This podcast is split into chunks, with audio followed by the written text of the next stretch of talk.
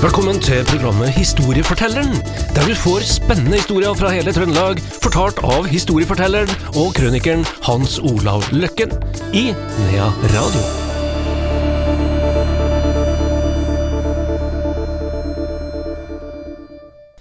Her er historiefortelleren tilbake. Her er også Hans Olav Løkken tilbake. Velkommen, Hans Olav. Ja, takk. Vi skal, ja, vi skal snakke om sykdom i dag. Det er egentlig et eh, nokså vanlig tema eh, når du hører på folk rundt om, når du treffer folk. Hvordan står det til? Ja, det er- Vi skal litt tilbake i historien nå, da. Det er tema nummer to. Først snakker vi om været, og så Ja. er det sykdom. Og eh, det er litt eh, interessant også å se på eh, alle de epidemiene som vi mener kanskje har vært da, og spesielt i disse dager med koronaen og alt der. Det er jo Jeg har jo sagt det sjøl, men jeg har jo ikke rede på dette her i hele tatt. Men som god nordmann så uttaler jeg meg skråsikkert om ting jeg ikke har rede på, og det er vel sånn med de fleste av oss. Og vi bruker vel kanskje å si at det er vel mulig at det har vært korona før i tiden nå. Og der kan vi jo da bare se på noen av de eh, årene eh, bakover på 1800 og spesielt på 1700-tallet og sånn da. Og folk var litt mer forberedt på uår. Altså man snakka selvfølgelig om svartår, og man snakka om dårlige år, spesielt i jordbruket og, og innhøsting. Og så snakker man om de her svarte årene som gjaldt at det dør så mye folk, da. Og man forbereder seg litt. Ja, man starta veldig tidlig å forberede seg på døden.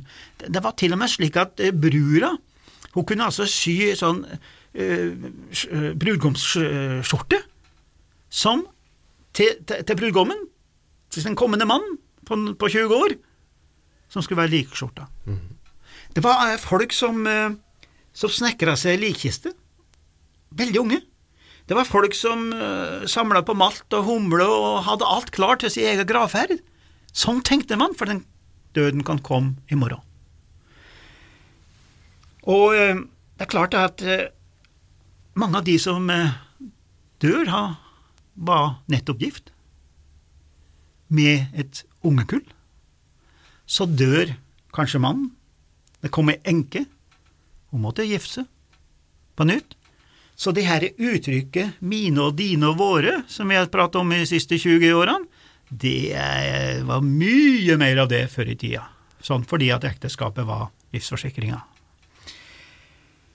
Og så var det noen spesielle år som skilte seg kolossalt ut, og det verste året som Ertal E har sett, er 1773.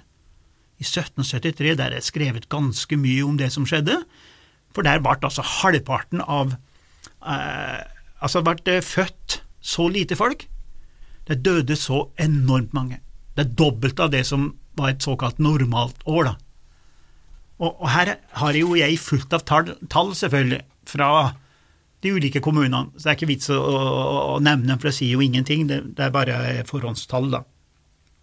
Og må huske på at av fire fødsler Av fire fødsler så ble det altså tre barn, to voksne og én gammel.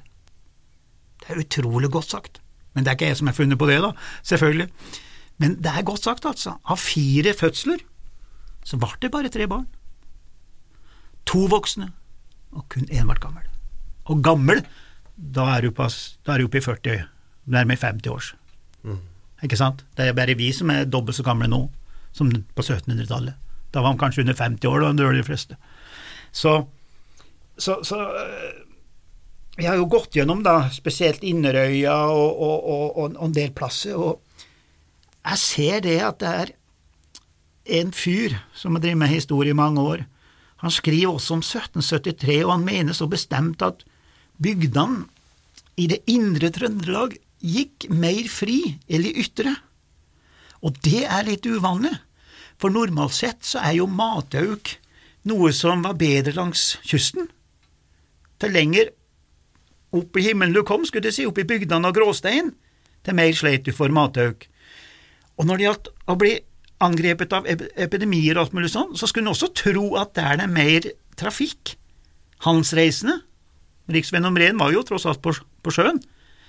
Men han påstår, han Henry Mære her, som har skrevet mye om dette her, at, at, eh, at det var eh, var litt forandring, da, her. At, at eh, det var de, de bygdene ute ved kysten som, som sleit, var mest utsatt for, for smitten. Selvfølgelig ut ifra at det kom så mye folk, da. Her, og Derfor så døde det flere folk der enn oppi her. da. Vi vet jo f.eks. at på en, eh, en gårdene på Stjørdal, Gravvoll der, der eh, kjørte man altså i 73 da, åtte lik til Værnes kirke på én dag. Altså fra samme gård. Altså Det slår slått an en epidemi som tar alle sammen, altså. Og sånn var det veldig mange plasser. Og i tradisjonsfortellinga, som selvfølgelig poppes litt opp, så heter det seg jo at eh, folk sulta i hjel. Og noen av tradisjonsfortellingene, som poppa seg enda mer opp, kunne også fortelle at det var folk som åt seg hjel når de helt utsulta fikk tak i mat. Det er vel kanskje veldig opphoppa, men det går litt igjen av og til at folk åt seg i hjel, altså. Og da må vi jo inn på spanskesjuka, da, som tok knekken på så mange. Eh, det var ikke så mange i Norge som en vil ha det til, men i Europa så var det utrolig mye. Og, og det var jo en influensaepidemi som antagelig starta i Kansas i Amerika. Så kom soldater over. De gikk i land i Spania. Spanskesjuka, spanskesjuka, men amerikanske soldater går i land i Spania. Og en av de mest kjente som blir berørt av spanskesjuka, er jo kongen sjøl, Alfonso.